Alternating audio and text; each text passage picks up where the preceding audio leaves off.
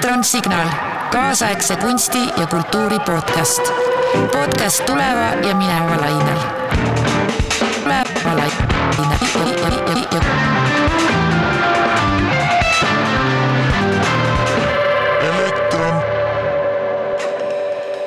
Hello, everybody. Uh, I'm Taavet Jansen, and we are together with Bohdana. And I think it's pretty much the first time when only two of us are here in studio. And uh, we are talking about uh, free filmers, and we do a little absent translation about the movie My Favorite Job. And later we listen the discussion between uh, Bohdana and Eva. The film My Favorite Job is a documentary made by the Free Filmers Collective from Mariupol, who we've been uh, trying to support the best we can, starting from the February last year by organizing the screenings of their films. And we did another one this February as well. Uh, this is their latest short film about evacuation convoys and volunteers who've been evacuating people from Mariupol in uh, March 2022 to Zaporizhia. And uh, the film is about those volunteers, what they've seen in both Mariupol and on the other side when they saw people who managed to escape, about the experiences on the checkpoints, uh, what happens there, how it was possible at all for people to cross cross the line in a way. Um, yeah, that was uh, what the film was about. What do you think, Bohdana? In that movie, people were freeing other guys from Mariupol. Does it make difference in a bigger picture? What they did, of course, they saved uh, thousands of lives who otherwise wouldn't be able to uh, uh, get uh, away from the city, which is uh, completely destroyed now. And uh, for me, uh, saving even one life is already changing the bigger picture. Every life is a bigger picture in itself.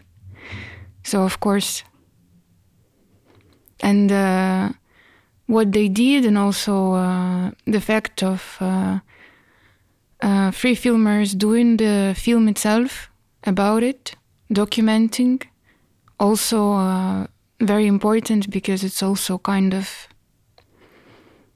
archiving uh, the war crimes as well.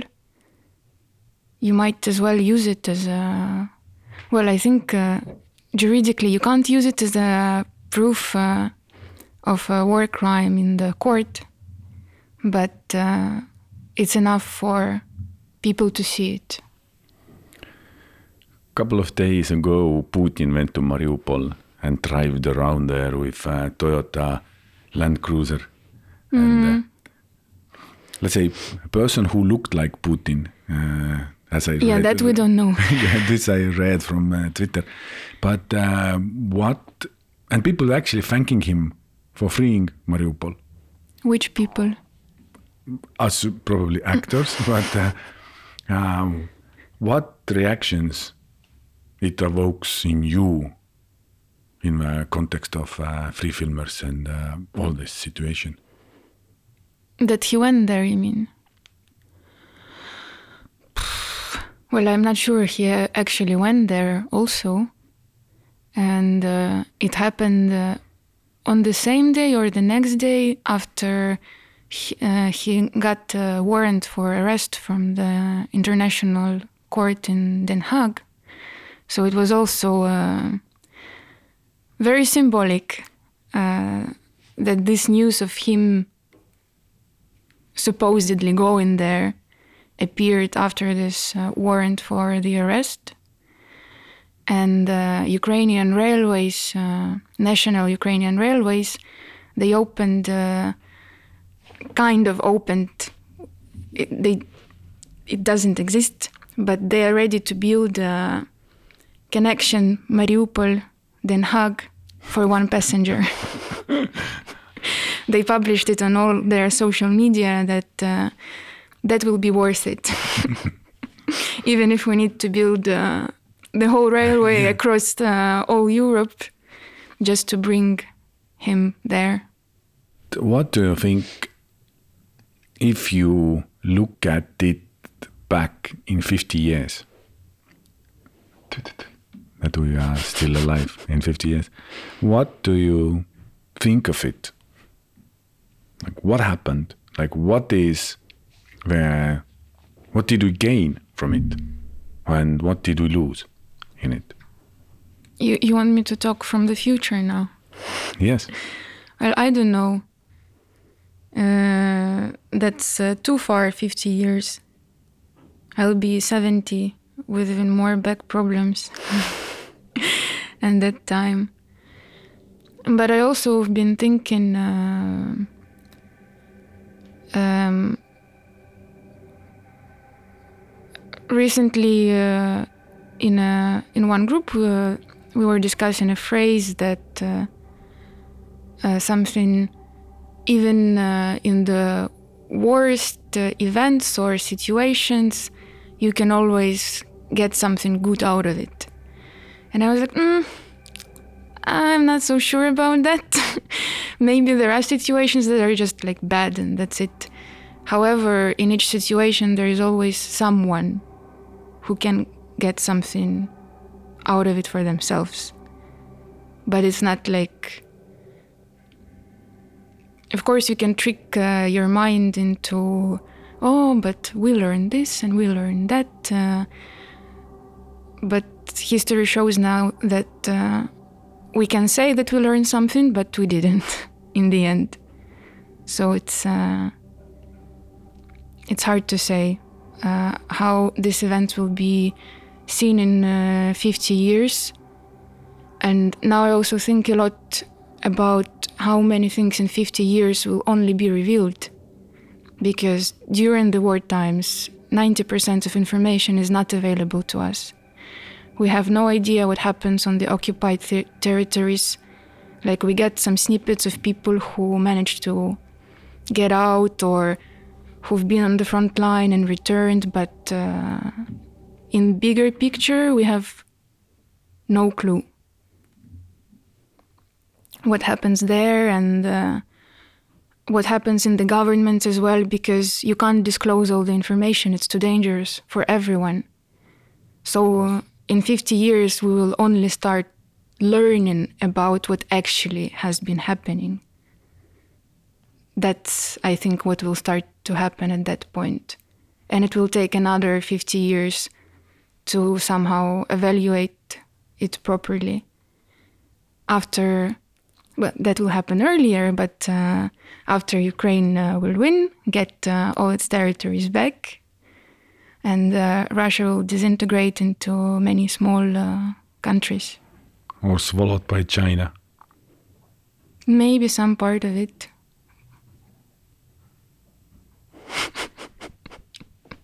Yeah, I'm curious what you're going to tell. To what do you think? I will be 95 uh, in 50 years. And I am optimist. And I am like true heart optimist. And I also think that there is there is a possibility. I understand it can sound unpopular at the moment, but there is a possibility that it turns out to be good. Just price is awful. Uh, turns out that maybe if Ukraine will win and Russia will dissolve all Which this, will happen? which will happen all these um, smaller pieces, maybe the reconstruction of Ukraine will take so fast what otherwise would have done hundreds hundred years. Maybe it will be like everybody got it and it will be reconstructed very fast and uh, like, corruption wise, politically, artistically, so socially, you know, where the infrastructure will be. But maybe this is only thing what I have in mind as, as an optimist, that maybe what can be, you know, uh, positive about it. Sometimes in history, maybe it takes some like awful price in order to get something great. This is my only optimistic thought about it. Mm.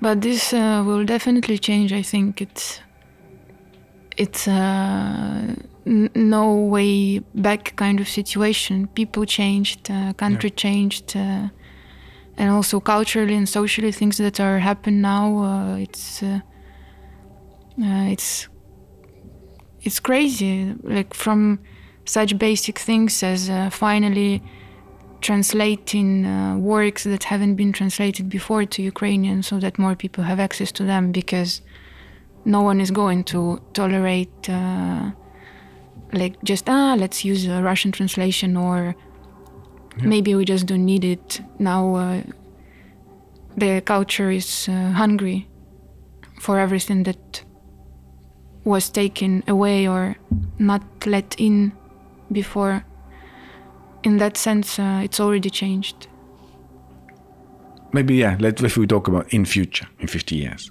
uh, or did you f- forgive Russians? in fifty years, with grandkids. well we'll see that but uh, about forgiveness uh, i don't think so mm. with what's uh, happening and how it's happening it's uh,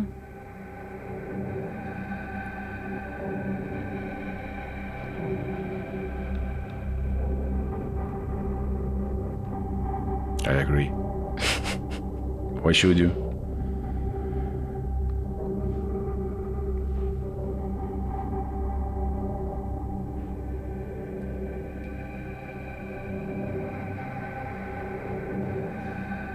What do you think?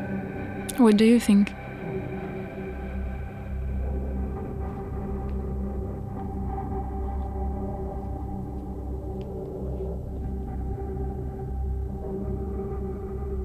I think we should end here. This is our conversation. Maybe we should come back to it. And then uh, our episode moves on to the talk with uh, Eva Näf, who joined us on the 25th of uh, February for the Solidarity screening of the film by Free Filmers called My Favorite Job. Ah, uh, hello, everyone. Uh, again, thank you for watching the film with us. Uh, now we are going to have a talk uh, together with uh, Eva Näf, and uh, we can start by maybe talking about the film. Uh, for me, it was the second time I watched it uh, because at first I needed to choose the films to, to screen, and uh, when I watched it the first time, uh, it was very emotional and very difficult for me to see and hear the people. But when I was watching today, it was a bit different, maybe because it's with other people in the room, but also I was more like trying to understand than just feeling the emotion. Uh, I don't know, what do you have maybe to say something? Because you also watched it for the second time now. Yes, I was also watching it for the second time, and for me it was not different in that sense. But I'm just wondering that did you try to protect you from yourself from the visuals and and and the talks uh, that you saw in the first time? Maybe I was trying to protect myself this time. Mhm, yeah, I mean, Yeah, when I was watching uh, the first time, because I was alone in my room just with the film, I was like full on crying for 30 minutes. Uh, but now maybe it's uh, the opposite. Also, like I was more rational, rationalizing what I was uh, watching. Mhm. Uh, as you already that's- as you already knew what is coming there. Yes. hmm Okay. But for you, it was uh, the same. I was maybe looking a bit different things than the first time because then I also didn't know what's coming from. I was sort of more afraid that it's somehow more mm, scary, you know. Mhm. But it is the kind of in the inhuman situations people try to be kind of remain to, to stay human Mhm. and in a way beautifully mm, showing how people try to uh, kind of store the hope and do something which has the meaning Mhm. Uh, is there anyone who wants uh, to share as well in the audience for whatever reason? If no, uh, then uh, I have a few questions uh, that I prepared. And uh, the first one that is also related to, to the film is um, what do you think in general about watching or witnessing violence or something uh, difficult on screen or on social media, uh, especially when it's your choice? Like you take the phone and you look into something, um, and when it's real situations, when it's not staged violence, like on screen, uh, the film, fiction, or something like that. Why do we do that, or what it does to us?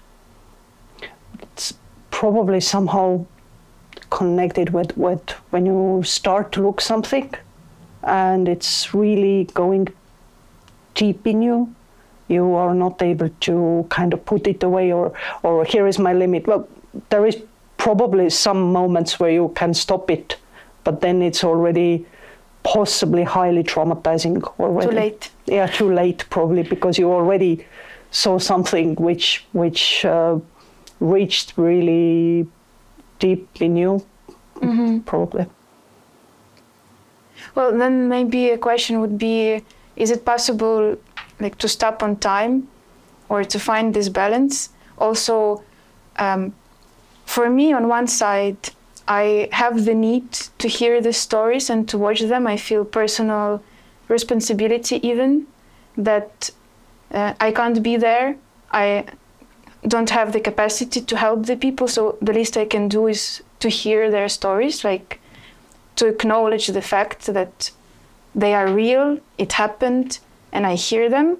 But on the other side, there is, yes, this personal limit, how much you can take in in this way. Is there a way to balance it out somehow?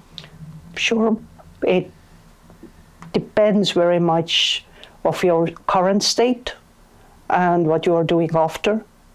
And do you have the chance to just switch off or, or kind of how it affects you? Do you have the capacity to somehow handle the situation? And do you have the experience what to do and how to do? Kind of uh, with that information to deal with.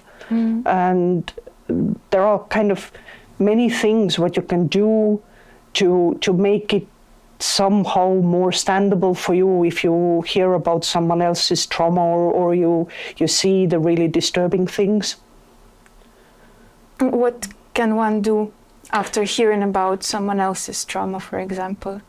Well, it it depends in in how deep it takes you, and do you kind of understand how much it affects you.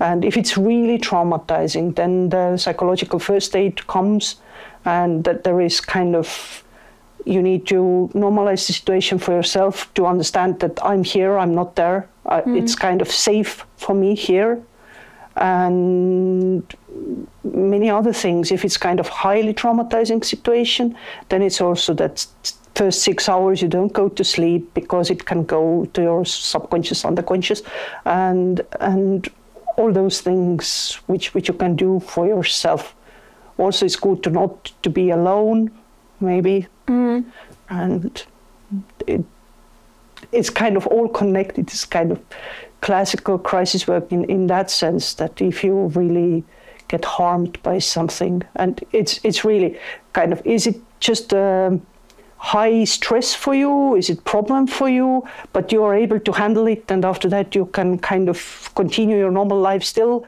And those pictures kind of don't take away your um, ability to sleep and ability to eat, and kind of all those basic needs are covered still. Then you are probably dealing with it fine. But if it just accumulates, then it really can cause kind of problems to your, your daily life also. And it's important that as much as possible to keep it under control. To limit the consumption of uh, Yeah. news, images somehow. And it's it's kind of if you're far away and you, you somehow want to be updated what is going on and know their stories, it's always good to have also some kind of higher purpose, like what you are doing here. That it's kind of uh, to be the voice to to to kind of express the kind of tell about those stories which which which are going on there, and that gives also you the the reason to why I want to see those things, It's kind of to handle it better mentally. So not just to keep scrolling and that's it.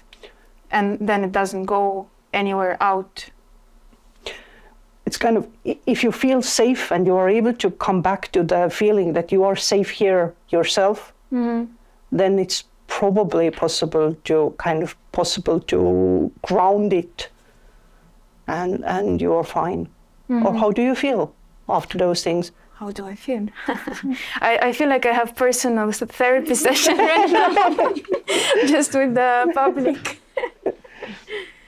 uh, that depends on what I see and when I see. Exactly as you said, that some days uh, I just handle it fine, and then if there has been too much of it, or there are some other situations around it that doesn't make it uh, safe or comfortable, then it can influence uh, my uh, like daily uh, survival uh, as well. Um, and uh, yeah, that that depends. Like right now, I feel fine. I'm rationalizing everything. I understand why I'm doing it, so it's all good. uh, how do you feel? About what? Uh, do you follow news uh, in that way, or do you feel the need personally to, uh, as I understand you a bit further, for for example, if we're talking about the war on the personal level, then how does it happen for you? Is it like just the news? Do you live through it somehow personally as well? There was clearly the moment in the beginning of the war where I was limiting mm. the media because as I'm, I'm working as a play therapist every day and, and I had lots of kids coming to the therapy which were bringing uh, those little pieces of information which they heard somewhere or somewhere and and I really had to be stable and strong for them and that's why I couldn't kind of get myself um, kind of lost there in everything. That sounds smart. um, there was uh, also a question from our colleague uh, that there is so much um, of this information flow now with violent images and stories, and uh, it feels uh, as if we're becoming numb at some point to receiving all of this information. Like, do we really adapt? Like, do we get used to violence or seeing violence, or it's something else, and we just are not able to feel anymore because there's so much of it? Well, the dissociation is is part of it, possibly. That if there is too much, then it's kind of the brain starts to block it, and you are just drifting away somewhere. But I believe that uh, the person feeling safe and looking all those horrible things which are coming from there, it still hurts, even if you have seen it maybe hundreds of times. Just the horror itself is harming and it's painful.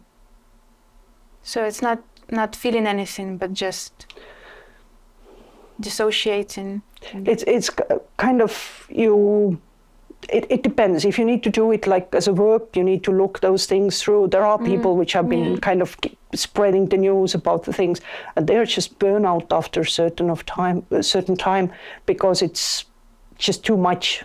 But if you if you can kind of go more far from from it in between, and then come back uh, by your own choice, then you are most likely mm, able to take it um, as it is, and you you you don't also kind of you avoid also the dissociation. But it's also a question that do you really need to go that deep that you need to dissociate already from it?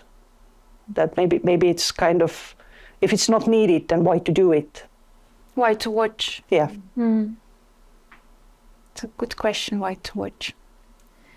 Uh, are there uh, any questions uh, now in the audience?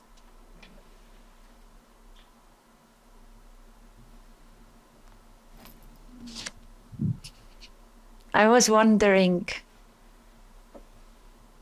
No, sorry, now I got confused. Kaie said before to us that uh, why cannot we forget? So if something um, dramatic happens, why why cannot we just say to ourselves enough, forget, and then You mean that if you to stop the replay or okay? So it's why why do we work like this if if you see something terrible, it's it's like wound. And if you have the wound, kind of physical wound, you also kind of can't avoid to feel it and see it. Mm-hmm. And you need to take care of it. And the same way is that if you have the pictures, kind of flashbacks coming back from from something what you have seen or, or experienced, and uh, then you just need to work with it. You need to, first step is actually to understand that I have the problem. I, I it really affects my life, and then it's the question that how much it affects. And trauma comes back often as the reaction, the kind of bodily reaction, and it's uncontrollable often, well, mostly. And and it the triggers can be whatever. It can be the smell, it can be the sound, it can be the light, it can be some words, and and it's kind of if it bothers your life, you you really need to search the help. And if if you look at movie there, well, I strongly believe that they actually don't have any any help. The only thing what they have is to come together and Each share other. it with each, each other. And well, that's already the first step. But it also can be mm, that you are kind of scrolling and scrolling the same story, and you are not going deeper, and it actually doesn't help you much. It's kind of you are staying in that trauma and you are just uh, somehow reproducing it. So you mean uh, the the the people, the volunteers um, in the film that this sh- sharing with each other helps to a point, but it doesn't really help them to Cope it. yeah Coping hardly, but it depends. It's kind of everyone takes it. Uh, everyone comes with the different luggage. Yeah. In in that sense, that uh, coping mechanisms, the previous experiences, and and all that makes kind of the mixture that how we are dealing with the things. And it's possible that some of them are coming out from that fine, but they at the same time need to maybe the lifetime therapy. Yeah. How, if you listened and looked them speaking and talking, could you, because you have seen a lot of people in, in your work, could you see what kind of state of emotional well-being or health they were? Did you did you watch and in the end you were worried about their or did it seem like they are doing fine for your eyes? It's very subjective, I know, but Well, I was looking it in, in from that point, and and I was. Well, I believe they all need kind of sort of help, but um, there are signs which are kind of well. I don't know those people before that mm-hmm. event and, and, and how they are and how they are handling the situation and do they get the sleep enough and, and do, do they have some joy in their life also beside all that craziness what they are going through there or are they constantly in mission? As as also the military people which are going to the mission they have a really strong preparation. They have really strong kind of mental state the kind of concentration that now I go, now I do, and this is then it's over. But for them, when it is over, when the war is over, hmm. when when when everything is over, and and the risk behavior is one thing, and if you look the kind of traumatized people, one thing is what they're talking and what words they're using. One is the tone, and basically more than half of it is the body language and and it's it's great what they're doing because the chaos needs the heroes. And they're doing the thing which is which, which is highly needed but with what cost it actually comes. That's the question. Uh, we have a question from uh, Ranno. Um, he asks uh, if you can get uh, trauma just by watching the news, uh, if you are not fit enough for what you're seeing, or and what makes a person fit to handle it.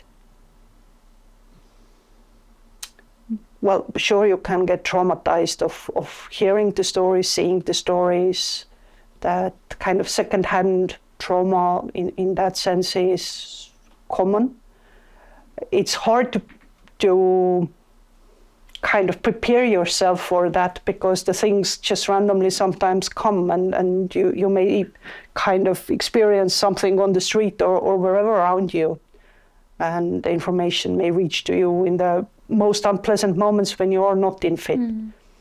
But uh, if it really affects you, then again, the psychological first aid comes and, and you need to really take care of you. And, and it's important to not stay alone with, with all those hard feelings. And can you know somehow whether you are fit or not, or only afterwards you're like, ah, okay, I wasn't fit for that. that well sometimes we know that we are kind of really in the on the limit or or, or we are just very vulnerable but sometimes it's you can't say it before really But mostly then it's just trying to listen to yourself. If I'm not feeling very well, then maybe I should just watch a comedy and uh, meet my friends than do anything else. But yeah I, I believe so and as you said you were watching that movie first time alone mm-hmm. that maybe it's kind of also what you can do for yourself that next time you look something from whatever the same source or, or mm-hmm. which where you know that it can be somehow challenging to do it with someone together that you're not alone Okay. I will do so from now on. um, another question also from Ranno. Uh, do future generations need to remember these horrors or could ignoring them be a good choice? Well, we probably can't really ignore it. And the experiences are going really deep to the to the memory of society also. So, and there is that uh, overgenerational trauma also. That maybe here we are taking it as the the knowledge, but people uh, in Ukraine, for example, right now, they can kind of give it to the further generations. Just even if they don't want to do it, it it just goes further till the certain lim- limit. Because the fear is is very strong and and it can go really deep and and affect. But what we can do is to to talk about that and make it more seen and to work with it to kind of understand because we have the experiences well clearly from the the second world war traumas are still somehow living in the people nowadays. And if we are kind of making it clear and, and open and, and we, we analyze it and work with it that where comes what then it's easier to to work with it and also heal from it. Uh, Kadri also um, asks, should I feel bad because I don't get emo- I don't get any emotions watching this movie or seeing things in internet? well the question is that is it somehow dissociation of, of that subject or is there still some other things in the life which are making her emotional that being fully emotionless is the question that what's going on but if there is the emotions from the other fields then maybe maybe that subject doesn't somehow affect so so much So as long as uh, I feel different things for different reasons, but then I watch this and I'm like, okay, then it's fine. It's just not how it is. And I should worry if, uh, for some reason, I feel emotionless generally. hmm That if it bothers me also that I, I don't feel anything. Mm. Okay. Any more questions? I don't have a question, but to- should I take this? Yes, please. I was um, just when I was watching this movie, uh, I watched it for the first time, uh, and um uh, I'm a big fan of black humor, and their humor is very, very black. so I was just uh, it, it just came to my mind like um how they cope and how they use uh, humor for coping this um, their trauma because they are traumatized also. So it's just the necessity of uh, humor uh, in like everywhere. Just uh, I was thinking about it, how this black humor suits a lot. Mm. Yeah. This is also very common in the ambulance and, and all those kind of jobs where people are somehow seeing the hard things and when they are sharing those things and they can laugh about things which in the daily life you are not supposed to laugh but it somehow protects you and somehow uh, kind of cuts the high stress down a bit to to handle it better Yeah. Yeah.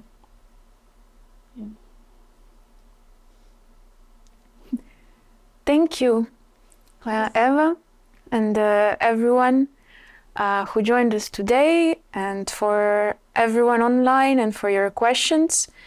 uh, online audience turned out uh, to be more active than the physical one, of course, but it's okay. Maybe they feel more comfortable. Yeah, Oh. at home alone. Anonymous. Anonymous. You can uh, type if you want, if you have a question but you don't feel uh, comfortable. You can all type in the chat as well under fake names. No? No one takes the time? Okay. Uh, well, yes, thank you again a lot for the talk. And uh, thank you to Freefilmers uh, for the film that they did and for all the work. Uh, for people online, if you didn't get um, the ticket or you would like to support Freefilmers, you can always do it either through us or directly through Fi- Freefilmers. Uh, they have all their resources available online. Um, and that's it for today. Thank you. Thank you. Thank you.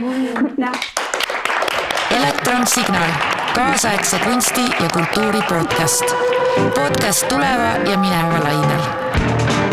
tuleva lainel.